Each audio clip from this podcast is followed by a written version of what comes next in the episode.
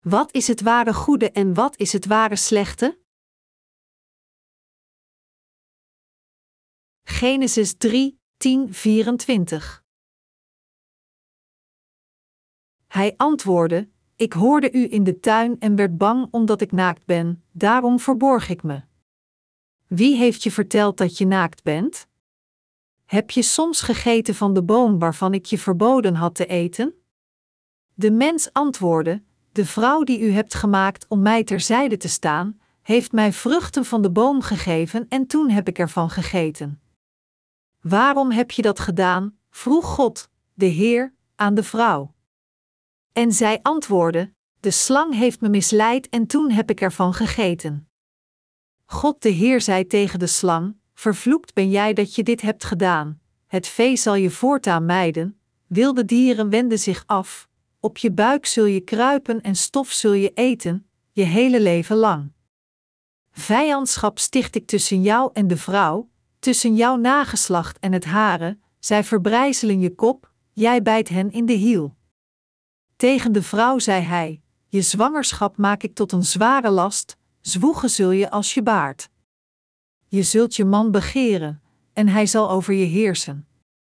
Tegen de mens zei hij: Je hebt geluisterd naar je vrouw, gegeten van de boom die ik je had verboden. Vervloekt is de akker om wat jij hebt gedaan, zwoegen zul je om ervan te eten, je hele leven lang. Dorens en distels zullen er groeien, toch moet je van zijn gewassen leven.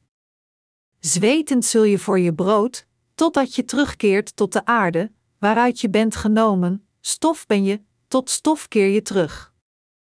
De mens noemde zijn vrouw Eva, zij is de moeder van alle levenden geworden. God, de Heer, maakte voor de mens en zijn vrouw kleren van dierenvellen en trok hun die aan. Toen dacht God, de Heer, nu is de mens aan ons gelijk geworden, nu heeft hij kennis van goed en kwaad. Nu wil ik voorkomen dat hij ook vruchten van de levensboom plukt, want als hij die zou eten, zou hij eeuwig leven.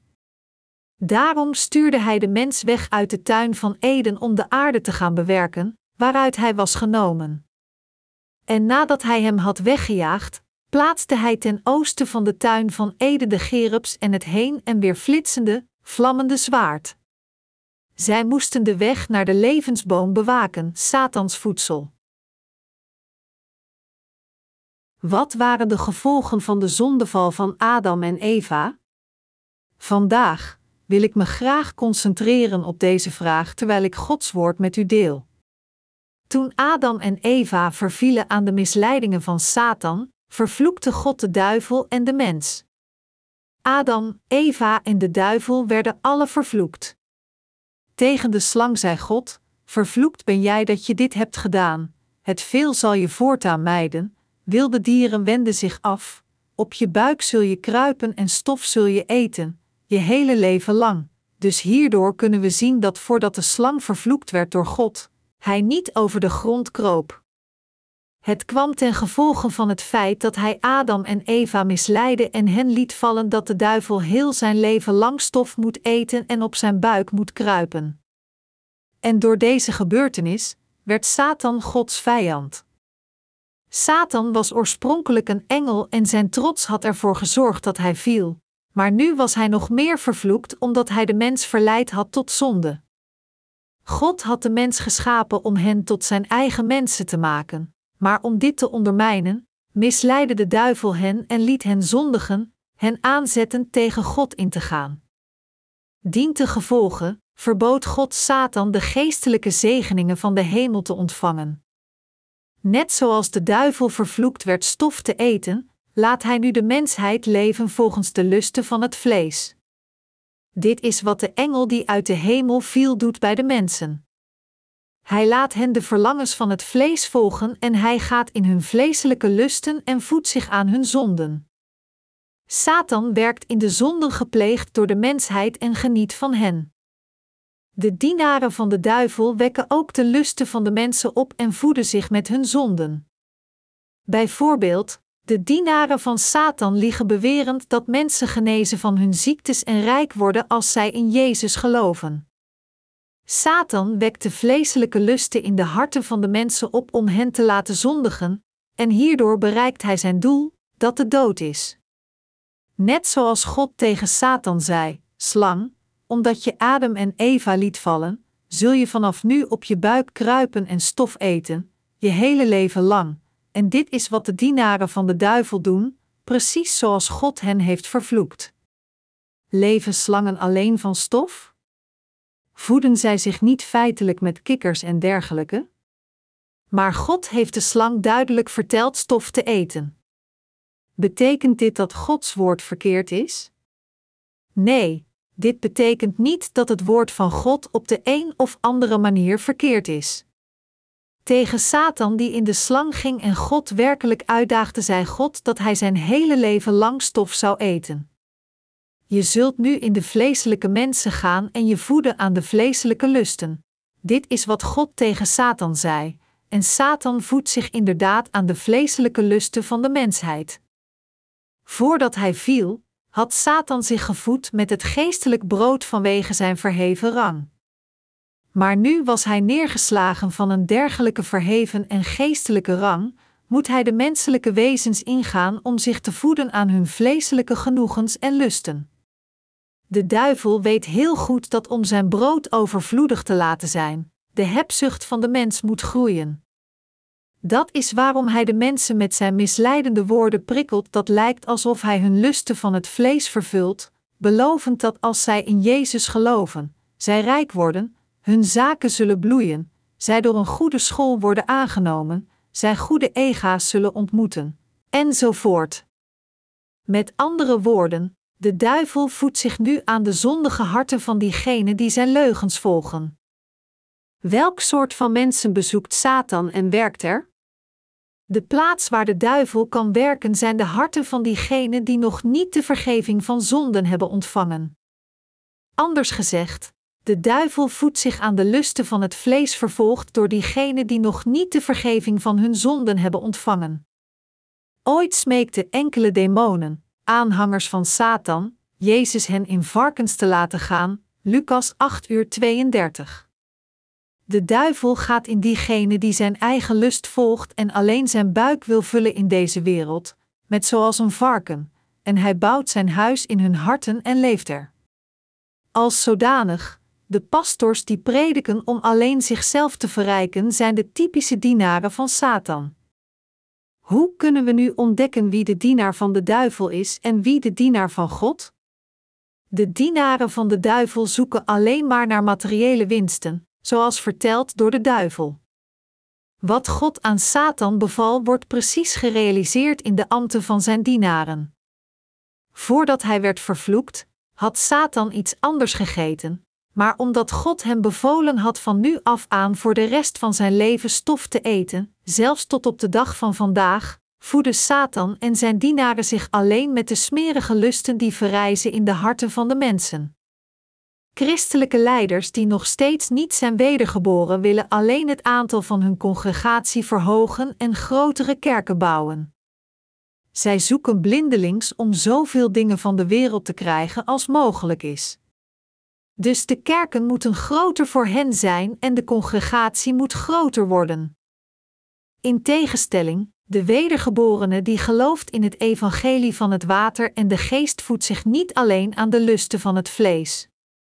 De rechtvaardige voedt zich met het geestelijke woord van God, en ze eten het brood van leven door geloof. Natuurlijk, zelfs de rechtvaardige moet het fysieke brood eten om te leven, maar ze verlangen er naar het geestelijke woord van God te eten, dat wil zeggen het levensbrood. Dit is staat in schril contrast met de dienaren van de duivel die alleen stof eten. Terwijl de wedergeborenen beide eten, eten diegenen die niet zijn wedergeboren alleen stof. Om alleen stof te eten betekent zich alleen te voeden met wereldlijke dingen. De dienaren van Satan, dat wil zeggen diegenen die niet zijn wedergeboren, volgen enkel de lust van hun vlees. En zij houden een wedstrijd om te zien wie meer stof kan eten. Nu werd Satan Gods vijand. En onze Heer zei tegen hem: Vijandschap sticht ik tussen jou en de vrouw, tussen jouw nageslacht en het hare, zij verbrijzelen je kop. Jij bijt hen in de hiel, Genesis 3 uur 15. Met andere woorden, God plaatste vijandschap tussen Satan en de mensheid. Er was een tijd dat de slang en de mensheid vrienden waren. Ze waren bevriend met elkaar en speelden samen. Maar nadat Satan in de slang ging en de mensheid liet eten van de boom van de kennis van goed en kwaad, ontstond er vijandschap tussen Satan en de mensheid. Onze Heer kwam als de afstammeling van de vrouw en vernietigde de macht van Satan. God zei: Jezus zal geboren worden als de afstammeling van de vrouw en als de verlosser komen. En u zult proberen in zijn hiel te bijten. Maar hij zal uw kop verbrijzelen door de kracht van al uw zonden die u verspreidt te vernietigen. Hij zal de dood uitroeien, de vloek die op de mensheid werd geplaatst toen u Adam en Eva liet zondigen. Hij zal de wereld overwinnen en u verslaan. Dit alles is tot nu toe vervuld. Als de hiel is gekwetst, dan kan men zijn voet niet op de grond zetten. Satan ging zo ver dat hij Jezus liet kruisigen tot de dood. Maar aan het kruis trapte Jezus op het hoofd van Satan.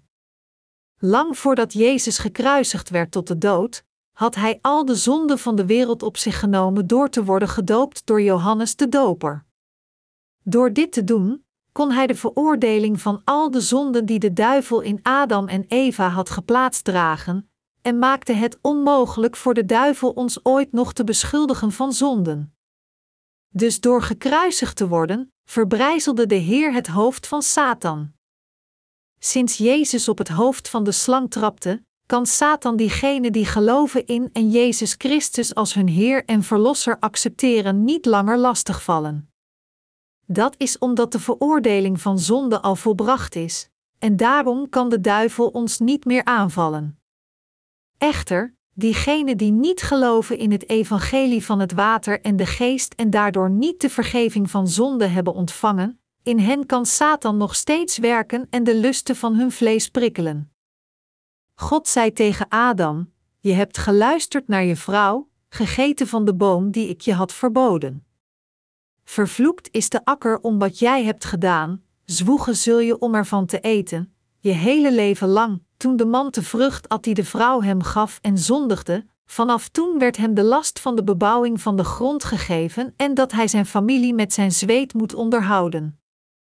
In de tuin van Eden had hij kunnen leven zonder zwoegen door te eten wat God hem gaf, maar toen hij viel en vervreemde van God, kon hij niet eten zonder zwoegen. Dit betekent dat de mensheid inderdaad vervloekt was en verdreven werd in een onherbergzame wereld.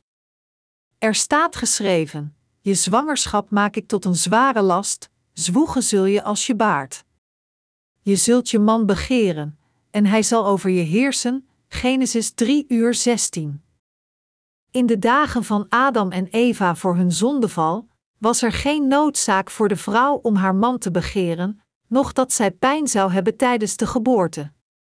Maar zodra ze verviel aan Satans misleiding en van de boom van de kennis van goed en kwaad at, moest zij baren in pijn en beheerst worden door haar man. Als ze niet gezondigd had, dan zou ze niet beheerst zijn geworden. Het is omdat zij zondigde dat ze nu beheerst wordt door haar echtgenoot. Dat Eva beheerst moest worden door Adam betekent dat de mensheid beheerst moet worden door God. Diegenen die zijn wedergeboren door te geloven in het evangelie van het water en de geest moeten geleid worden door Gods kerk. Wie wedergeboren is, moet verlangen naar God, en hij moet geleid worden door zijn kerk. Diegenen die niet geleid worden door Gods kerk en geen verlangen hebben om vrijwillig deel te nemen aan het werk van de kerk om de Heer te dienen, kunnen niet geleid worden door God nog zijn geestelijke zegeningen ontvangen. Dergelijke mensen kunnen niet tot het einde in de kerk verblijven. We moeten beseffen wat het woord van God zegt. God zei dat vrouwen geleid moeten worden door de mannen en de geboorte in pijn moeten verdragen, en hij zei dat mannen alleen de vruchten van hun werk om te eten verkrijgen als zij zweten op hun voorhoofd. Dit alles werd in beiden gerealiseerd, zowel lichamelijk als geestelijk, zoals het geschreven staat in de Bijbel. we zijn gered dankzij het werk van Jezus Christus. En mannen moeten werken om hun families te onderhouden. Zoals we staat geschreven, dorens en distels zullen er groeien, toch moet je van zijn gewassen leven. Zweten zul je voor je brood, totdat je terugkeert tot de aarde, waaruit je bent genomen, stof ben je, tot stof keer je terug. Genesis 3, 18, 19. Het feit dat Adam en Eva verdreven werden uit de tuin van Eden is op zichzelf lijden. Te leven in deze wereld is te wandelen door een doornachtig veld. Het is zeer vermoeiend een leven in deze onherbergzame wereld te leven. Er is geen enkele dag die volledig aangenaam is. Dit is Gods straf toebedeeld aan de gevallen mensheid. Had de mensheid niet gegeten van de boom van de kennis van goed en kwaad, dan hadden zij in het paradijs voor eeuwig kunnen leven, maar nu moeten ze terugkeren naar stof, hun oorspronkelijk materiaal. Menselijke wezens zijn niets meer dan een handvol stof als ze sterven. Als ze begraven worden, dan rotten ze weg om te veranderen in stof. In feite zijn menselijke wezens compleet nutteloos wat hun vlees betreft. Net zoals een rotte vis opgegeten wordt door maden om uiteindelijk te verdwijnen, rot het vlees van de mens weg en verandert tot stof. Er is niets duurzaams aan het vlees van de mensheid. De oorsprong van het vlees van de mens is de natuur, en dus moet het terugkeren naar zijn aard zonder een spoor achter te laten. Er zijn alleen dorens en distels in deze wereld. In deze moeilijke levensreis raken mensen gewond door dorens en distels, maar moeten ze echt aan al deze wonden lijden? Nee, er is geen reden voor. Als zij de vergeving van hun zonden ontvangen door te geloven in het evangelie van het water en de geest, zullen al hun problemen worden opgelost. Echter, diegenen die niet de vergeving van hun zonden ontvangen, moeten voortdurend worstelen tegen de dorens en distels tijdens hun hele leven. Omdat talloze mensen nog steeds niet het evangelie van het water en de geest kennen, de vergeving van hun zonden niet hebben ontvangen, en alleen leven volgens de lusten van het vlees, kunnen zij het niet vermijden elkaar te kwetsen, te steken en elkaar pijn toe te brengen. Geluk komt niet naar diegenen die niet zijn wedergeboren, ongeacht hoe wanhopig zij er ook naar zoeken. Ze wijken hier en daar uit proberend de dorens en distels te vermijden, maar ze worden nog steeds heel de tijd gestoken, en ze leven in pijn en bloeden constant. Tenzij men is wedergeboren door te geloven in het evangelie van het water en de geest, moet men tot het einde in een dergelijke wereld leven. Daarom, uw geloof in het evangelie van het water en de geest te plaatsen, moet u ontsnappen aan het lijden van de wereld gevuld met dorens en distels. Er is nu geen noodzaak meer te zoeken naar nutteloos geluk in deze pijnlijke en afmattende wereld. Door nu te geloven in het evangelie van het water en de geest, moeten we de zaligmaking van de ware vergeving van zonde in onze harten ontvangen en leven genietend van het ware geluk gegeven door de Heer. Al diegenen die nu gered zijn van hun zonde door te geloven in het evangelie van het water en de geest zijn inderdaad bevrijd van de vermoeiende levensreis gevuld met dorens en distels. Er staat geschreven: De mens noemde zijn vrouw Eva, zij is de moeder van alle levenden geworden. God, de Heer, maakte voor de mens en zijn vrouw kleren van dierenvellen en trok hun die aan. Genesis 3, 20, 21. Sommige mensen beweren dat er andere mensen waren behalve Adam en Eva. Satan verspreidde deze leugen, en velen van diegenen die niet zijn wedergeboren gingen hiermee akkoord. God zei duidelijk: Adam noemde zijn vrouw Eva, zij is de moeder van alle levenden geworden. Dit betekent dat de voorvaderen van de mens, Adam en Eva zijn. En dat alle mensen geboren worden uit vrouwen. Een recente wetenschappelijke ontdekking heeft bewezen dat alle menselijke wezens afstammen van een enkele vrouw. Zij ontdekten dat de menselijke mitochondriale DNA geërfd wordt door alleen de moederlijke lijn, terwijl de DNA in de kern worden geërfd door de gecombineerde DNA's van beide ouders. En wat echt verbazingwekkend is, is het feit dat alle moederlijke DNA's van de menselijke wezens dezelfde zijn. Dit is het positieve bewijs dat alle menselijke wezens, of zij gekleurd zijn of wit, zij de nakomelingen zijn van één enkele vrouw genaamd Eva. Echter, sommige mensen zeggen nog steeds dat God andere mensen maakte voordat hij Adam en Eva maakte. Deze bewering wordt zelfs aangehangen door een beroemde missieorganisatie. Zij beweren dat Adam en Eva de vertegenwoordigers van de menselijke wezens zijn die God had geschapen in het begin van de wereld. Zij beweren dit op de basis dat de Bijbel is geschreven volgens het zogenaamde representatieve principe. Dit is complete onzin. Wetend dat dergelijke beweringen gemaakt zouden worden, maakte de Bijbel een onbetwistbaar einde aan dit probleem. Terwijl het zinvol is te zeggen dat tijdens hun leven dat zich uitstrekte over meer dan 900 jaar, Adam en Eva het leven gaven aan veel kinderen. Ze hadden niet alleen Kain en Abel, maar ook vele andere kinderen. Het maakt absoluut geen zin te beweren dat de mensheid al bestond voor Adam en Eva. Is de Bijbel vals?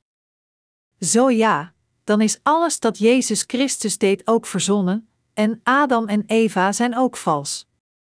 Toen ik lang geleden seminaries bijwoonde, beweerde een professor dat hij het bestaan van buitenaardse wezens in de ruimte niet uitsloot. Dus ik zei tegen hem: Als er buitenaardse wezens zijn, betekent dit dan dat er menselijke wezens ergens in de ruimte leven buiten onze planeet Aarde? Hij zei ja, en dus vroeg ik hem: Waar staat dat geschreven in de Bijbel? Hierop herhaalde hij alleen zijn geloof zonder enig Bijbels bewijs. Dus vroeg ik hem opnieuw: De Bijbel zegt: Want God had de wereld zo lief dat hij zijn enige geboren zoon gaf. Wat is dan de reden waarom Jezus op deze planeet Aarde geboren werd? De professor zei toen niets meer. Sommige mensen beweren dat God de mensheid voor het bestaan van Adam en Eva maakte. Maar de Bijbel zegt dat Adam zijn vrouw Eva noemde, dit betekent de moeder van al de levenden. Dit betekent dat het door Eva is dat alle menselijke wezens ontstonden in deze wereld. In het begin maakte God de vrouw uit een van de ribben van Adam, en haar naam was Eva. Door Adam en Eva worden we een keer geboren in het vlees op deze aarde, en door Jezus Christus worden we wedergeboren zonder zonde door te geloven in het evangelie van het water en de geest. Wie is de moeder van alle levenden op deze planeet aarde? Het is Eva. Er was geen mensheid voor Adam en Eva. Er waren wel engelen. Hoewel de Bijbel niet beschrijft hoe God de engelen schiep, verschijnen de engelen er regelmatig in. En het beschrijft hoe de gevallen engel in het lichaam van de slang ging en er werkte.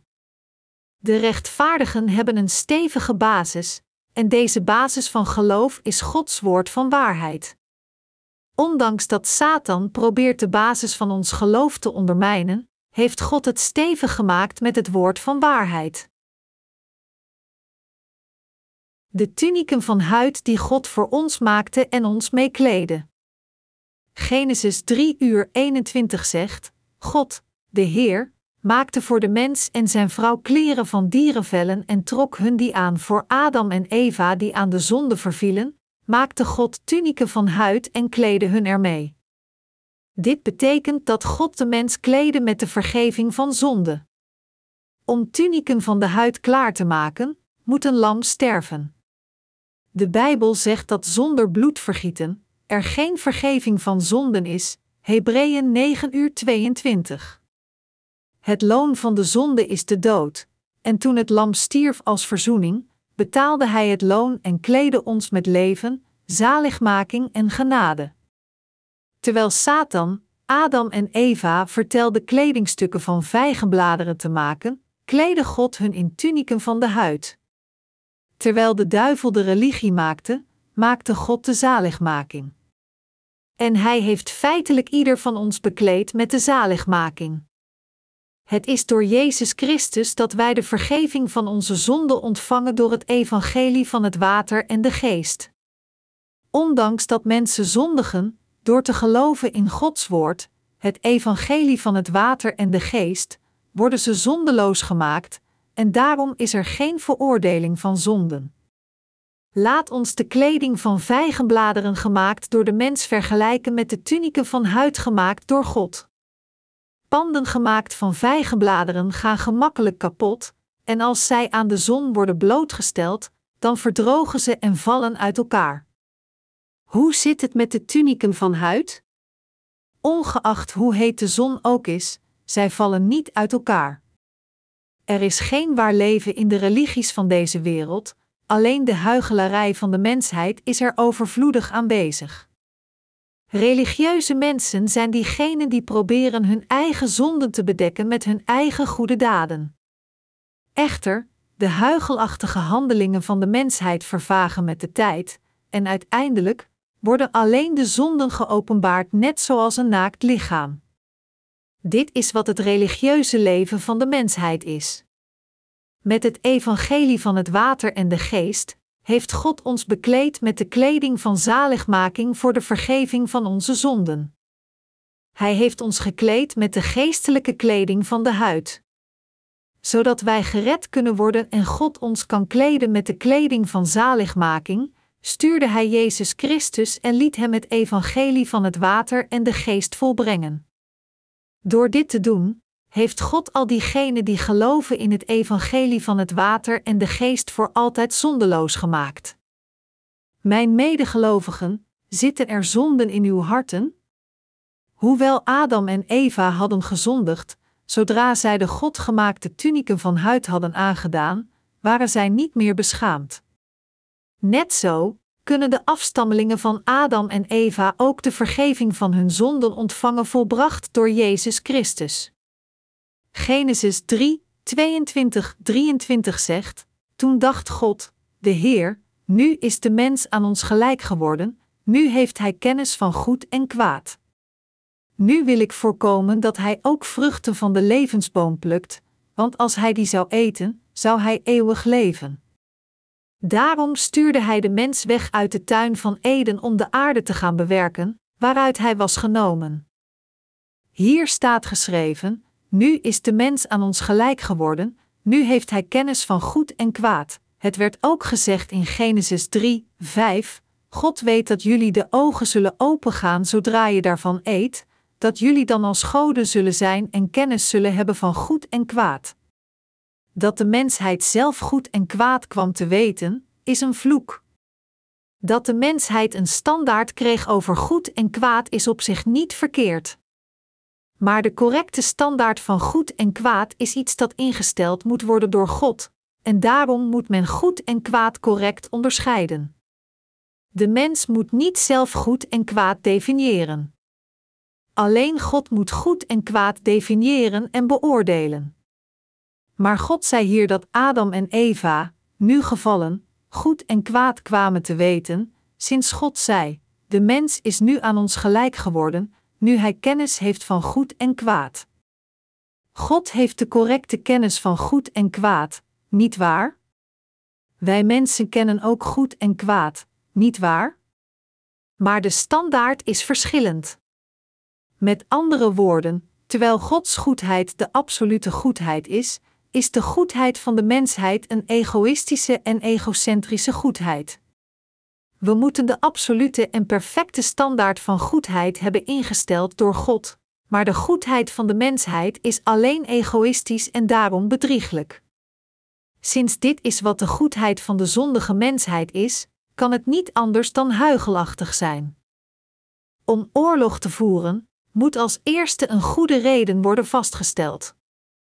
Dat is omdat oorlog steeds in de naam van de vernietiging van een soort van kwaad gevoerd wordt. Echter, in de wereld van de mensheid is deze standaard van goed en kwaad betrekkelijk, want vanuit ons perspectief is het vijandige lang niets meer dan een gevaarlijk land, maar vanuit hun perspectief zijn wij de vijand en een gevaarlijk land. Als we kijken naar het conflict tussen Israël en Palestina, dan kunnen beide kanten genoeg redenen geven om elkaar als gevaarlijke vijand te vernietigen. Net zo, is het onmogelijk voor ons de absolute goedheid in de wereld van de mensheid te vinden. Nog wat een land beweert kan de absolute standaard van goed zijn, nog wat het andere land beweert mag deze standaard zijn. De mensheid eigen standaard van deugdzaamheid kan niet de absolute waarheid worden. Echter, we moeten stevast tegen Satan vechten en hem overwinnen, die onze eeuwige vijand is. Omdat we onze geestelijke oorlog zonder falen moeten voeren, moet de standaard van goed als eerste correct in ons gevestigd worden. Sinds de mensheid onvolmaakt is, als we onze eigen deugdzaamheid definiëren, dan zouden we tegen God staan. Alleen God kan goed en kwaad onderscheiden, en alleen Hij kan de absolute standaard van deugdzaamheid vestigen. In Gods wereld is Zijn woord de standaard van heel de rechtvaardigheid en deugdzaamheid.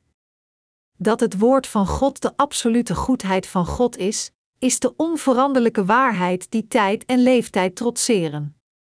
Het is verkeerd als u de standaard van goed en kwaad zelf vestigt. Dat is omdat deze standaard op zich betrekkelijk is. Het is verkeerd om iets betrekkelijks te nemen als de absolute standaard. Bijvoorbeeld, in mijn land, als ouders sterven, dan worden ze begraven in de grond. Maar bij een bepaalde stam op een eiland in Papua Nieuw-Guinea beschouwt men het een deugd om het vlees van iemands dode ouders te eten, want het is ondenkbaar voor de stamleden om het vlees van hun ouders verwoest te laten worden door maden. Welke van deze twee praktijken is deugdzaam? Elke toepassing is deugdzaam voor zijn beoefenaars, maar is het een absolute deugd? Is het juist om de doden terug te laten keren naar stof? Of maden of mensen de doden eten, is de ene praktijk slechter dan de andere?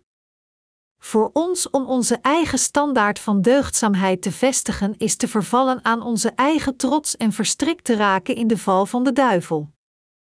Hetzelfde principe geldt voor onze levens van geloof. Wat wij als juist ervaren op onze eigen manier is niet noodzakelijk juist in Gods ogen. Sommige mensen zeggen: Ik suggereer niet dat het evangelie van het water en de geest vals is. Wat ik zeg is dat het geloof in Jezus bloed aan het kruis niet afgewezen moet worden als verkeerd, zoals zij het zien. Zij geloven ook in Jezus, en dus denken zij dat het deugdzaam is elkaar te erkennen, maar wat zij erkennen als goed is feitelijk slecht voor God. Dat is omdat voor ons geloof te hechten aan diegenen die niet geloven in overeenstemming met het woord van God, is de zondigheid van niet geloven in Gods woord te tolereren. Als we valse evangelies verschillend van het evangelie van het water en de geest zouden goedkeuren, dan zou dat slecht zijn voor God. We moeten God correct kennen als we in Hem geloven. Wat betreft de menselijke natuur, nog de aanhangers van valse evangelies, nog wij zijn beter of slechter. Maar ik zeg alleen dat God de rechter, waarheid en de standaarddrager is van goed en kwaad. Met andere woorden, God zorgt voor de enige maatstaf van waarheid. We moeten nooit proberen onze levens van geloof te leven gebaseerd op onze eigen menselijke standaard. God voorkwam dat onze voorvaderen, die faalden te geloven in zijn woord, zouden eten van het fruit van de boom van leven. De boom van leven stond in het midden van de tuin van Eden, zoals Genesis 2, 9 zegt, hij liet uit de aarde allerlei bomen opschieten die er aanlokkelijk uitzagen, met heerlijke vruchten. In het midden van de tuin stonden de levensboom en de boom van de kennis van goed en kwaad. God wilde dat Adam en Eva van de boom van leven zouden eten en eeuwig zouden leven. Maar in plaats daarvan aten Adam en Eva van de boom van de kennis van goed en kwaad. Waarom? Omdat zij verleid werden door Satan, en zij aan deze verleiding toegaven en de verboden vrucht aten. Misleid door Satan, stonden Adam en Eva uiteindelijk tegen God zonder dat zij zich dit realiseerden. Om tegen God te staan, moet men zijn eigen standaard hebben. Dat is waarom God Adam en Eva had verteld niet te eten van de boom van de kennis van goed en kwaad, uit vrees dat zij tegen hem zouden staan. Echter, voor Satan, zouden Adam en Eva tegen God staan als zij hun eigen valse standaard van goed en kwaad zouden krijgen, en dat is waarom hij hen verleidde om te eten van de boom van de kennis van goed en kwaad. Waarom dagen de mensen God uit?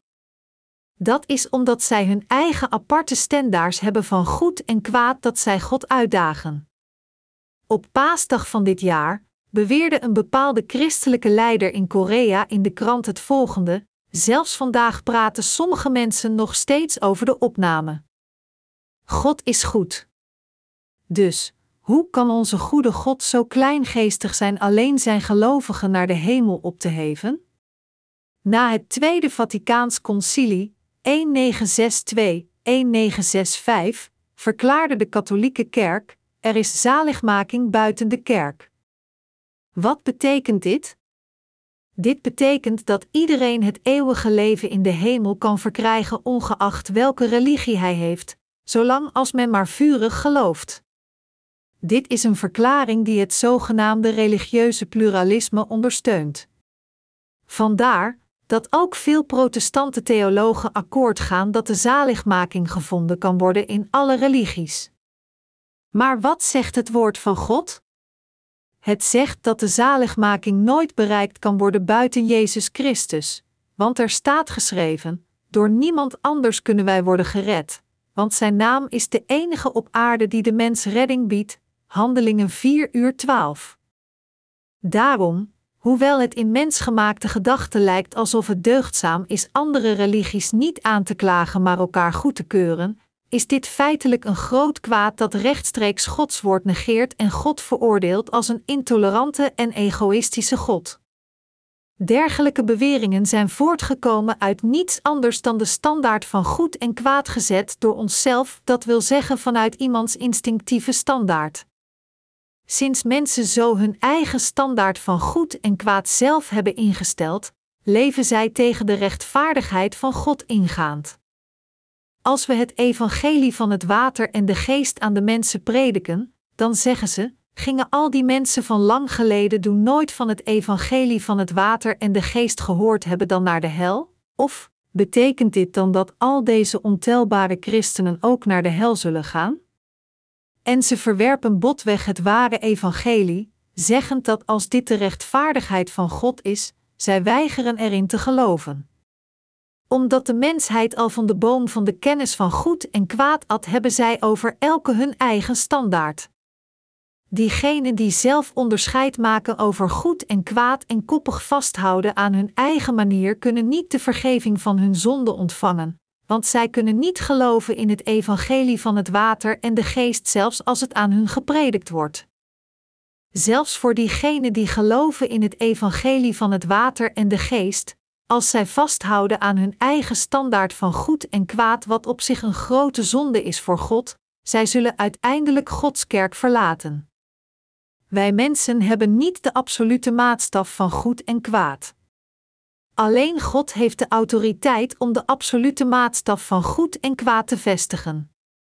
Het is God die beslist wat goed en kwaad is. Het eigen perspectief van de mensheid kan niet de maatstaf van goed en kwaad zijn. Zelfs Gods dienaren, als zij Gods woord verlaten, kunnen niet onderscheiden wat absoluut goed is of wat absoluut kwaad is. Het is alleen als de dienaren van God nadenken over zijn woord dat zij kunnen beoordelen wat goed is en wat slecht is. Onze standaard van goed en kwaad moet correct gevestigd worden. Bijvoorbeeld, is het goed of slecht de wedergeborene dienaren van God te ondermijnen, twijfels over hen te verspreiden en daardoor voorkomend dat anderen gaan geloven in het woord gepredikt door hen? Als we dit nauwkeurig onderzoeken in het woord van God, dan is dit slecht. Het is verkeerd de wedergeborenen broeders en zusters of Gods dienaren te veroordelen. God veroordeelt gebaseerd op zijn woord. Omdat de mensheid van de boom van de kennis van goed en kwaad vanaf het begin at, heeft de mensheid hun eigen standaard over goed en kwaad, maar deze maatstaf onderscheidt nog wat echt goed is, nog wat echt slecht is. We zijn geneigd in onze eigen standaard van goed en kwaad te vervallen. Echter, Het is noodzakelijk voor ons om het woord van God als de ware maatstaf van goed en kwaad te nemen. Onze standaard van deugdzaamheid moet gevestigd worden in overeenstemming met wat God zegt dat goed en kwaad is. Terwijl ik Gods werk doe, pieker ik ook vaak over de vraag: wat is goed?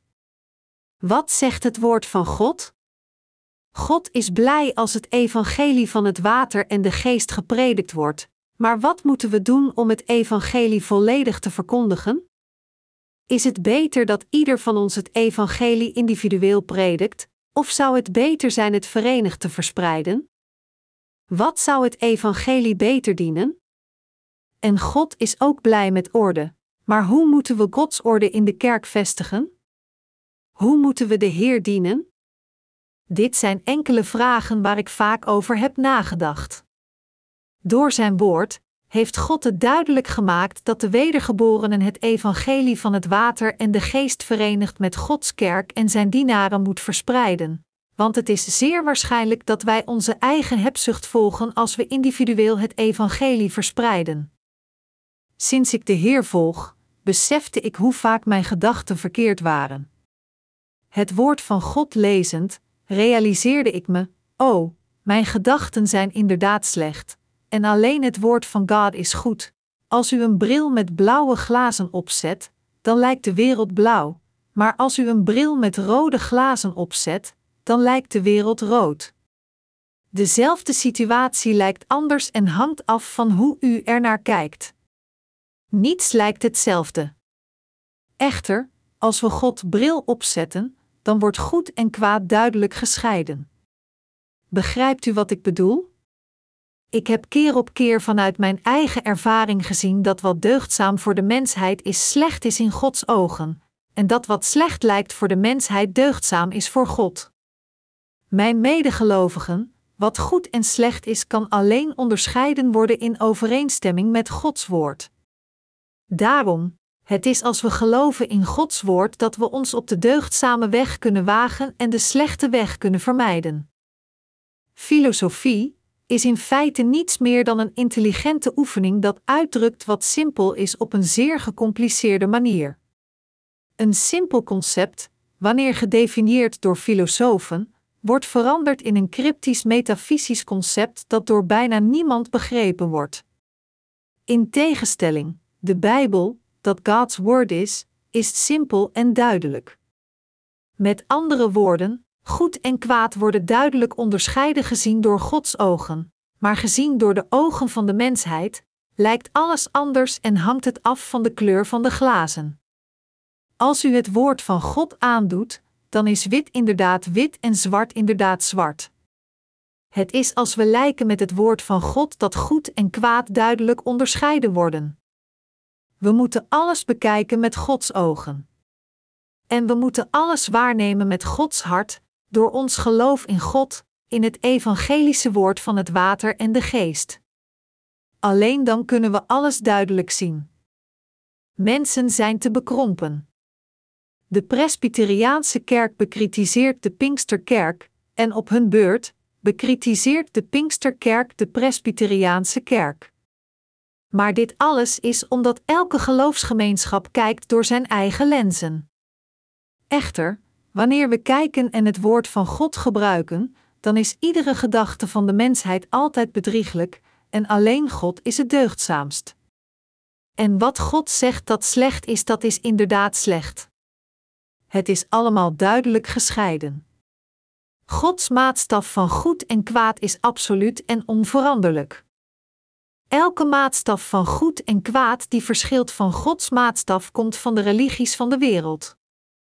God staat niet toe dat iemand die zijn eigen standaard heeft over goed en kwaad het koninkrijk van de hemel binnenkomt. Het zijn diegenen die hun eigen standaard van goed en kwaad loslaten en geloven in het evangelie van het water en de geest in overeenstemming met Gods woord die God toestaat zijn koninkrijk binnen te gaan. En hij vertelt hen te eten van de boom van leven. Door de geschrifte passage van vandaag bent u gaan beseffen hoe verslaafd u bent aan uw eigen standaard van goed en kwaad. In onze levens hebben we vaak gekeken met onze eigen afgunstige ogen of veroordeeld met de vooringenomenheid van onze eigen standaard. Echter, God zei: De rechtvaardigen zullen leven door geloof, de wedergeborene rechtvaardige die gelooft in het evangelie van het water en de geest hoeft alleen zijn eigen standaard los te laten en te leven met zijn geloof in de Heer. Er staat geschreven: Daarom stuurde hij de mens weg uit de tuin van Eden om de aarde te gaan bewerken, waaruit hij was genomen. En nadat hij hem had weggejaagd, plaatste hij ten oosten van de tuin van Eden de gerubs en het heen en weer flitsende, vlammende zwaard. Zij moesten de weg naar de levensboom bewaken, Genesis 3, 23, 24. Er wordt hier gezegd dat God Adam en Eva verdreef omdat zij hun eigen standaard over goed en kwaad kregen. En, toen plaatste God cherubs en een vlammend zwaard dat iedere kant op gaat en de weg naar de levensboom bewaakt. God heeft alleen de weg geopend voor diegenen die geen standaard van goed en kwaad hebben die verschilt van Gods standaard, en die het woord van God gehoorzamen met een ja, zodat alleen zij van de levensboom zouden eten. En met het vurige zwaard in de aanval, veroordeelt God diegenen die met hun eigen standaard van goed en kwaad proberen binnen te komen. Met andere woorden, God heeft ingesteld dat diegenen die hun eigen standaard van goed en kwaad hebben, en niet het woord van God, in de hel worden gegooid. Dus, diegenen die niet ieder woord van God eten, kunnen nooit van de levensboom eten. Integendeel, zij worden veroordeeld door God. Als we zeggen, terwijl we het evangelie prediken, dat iedereen met zonde in de hel wordt gegooid, dan vragen de mensen ons hoe we zoiets gemeens kunnen zeggen. Ze zeggen: God stuurt mensen niet naar de hel vanwege hun zonden, want God is liefde. Ik geloof niet dat de God van liefde dit ooit zal doen. Ze zeggen dit omdat zij zonden hebben en feitelijk bang zijn voor hun zondigheid. Diegenen die zonden hebben maar niet geloven in het evangelie van het water en de geest ondanks dat zij het horen, zijn diegenen die hun eigen standaard van goed en kwaad hebben. Zij weigeren hardnekkig het evangelie van het water en de geest te accepteren. Integendeel, tegen de rechtvaardigen die beweren geen zonde te hebben sinds zij geloven in het evangelie van het water en de geest, zeggen zij: Hoe kun je geen zonde hebben als je nog steeds zonde pleegt? Dus zij redeneren dat het natuurlijk is dat iedereen zonde heeft, en om God iedere dat te smeken hun persoonlijke zonde te vergeven door de gebeden van berouw als een deugdzame handeling. Echter, dat iemand met zonden onvoorwaardelijk in de hel wordt gegooid, is Gods rechtvaardige wet. Als iemand zonden heeft, dan zal hij onvermijdelijk in de hel worden gegooid. Na een vurig zwaard gemaakt te hebben, zal God hem beoordelen. Hij zal hem veroordelen met dit vlammende zwaard. Als we het evangelie van het water en de geest prediken, dan zeggen we tegen de mensen: Als u zonde hebt, dan gaat u naar de hel, want dit is wat God feitelijk zegt. Het is niet iets wat wij hebben verzonnen om te prediken, maar het is wat God zelf zegt. Maar ondanks dit zeggen de meeste christenen dat het oké is zonde in hun harten te hebben zolang als zij geloven in Jezus, kunnen zij nog steeds naar het koninkrijk van de hemel gaan, zelfs als zij zonde hebben. Ze raken zeer opgewonden door ons, beledigd door het feit dat wij hen vertelden: U bent zondaars, en als u zonden hebt, dan gaat u naar de hel. We vragen hen: Hoe kan iemand die gelooft in Jezus zeggen dat hij zonde in zijn hart heeft?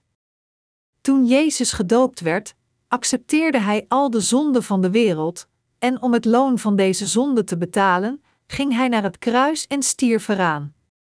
Dus hoe kunt u zeggen dat er zonden in uw harten zitten, als u beweert in Jezus te geloven? Iedereen die een standaard van goed en kwaad heeft verschillend van Gods standaard, kunnen nooit van de levensboom eten. Wie kan dan van deze boom eten? Alleen diegenen zonder hun eigen standaard van goed en kwaad kunnen van de levensboom eten.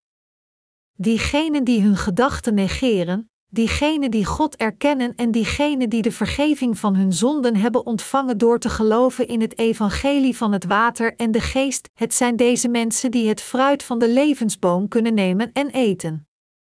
Het is omdat u ook uw eigen standaard van goed en kwaad weggooide dat u het woord van God kon horen en accepteren met een amen, en dat is hoe u uw leven ontving.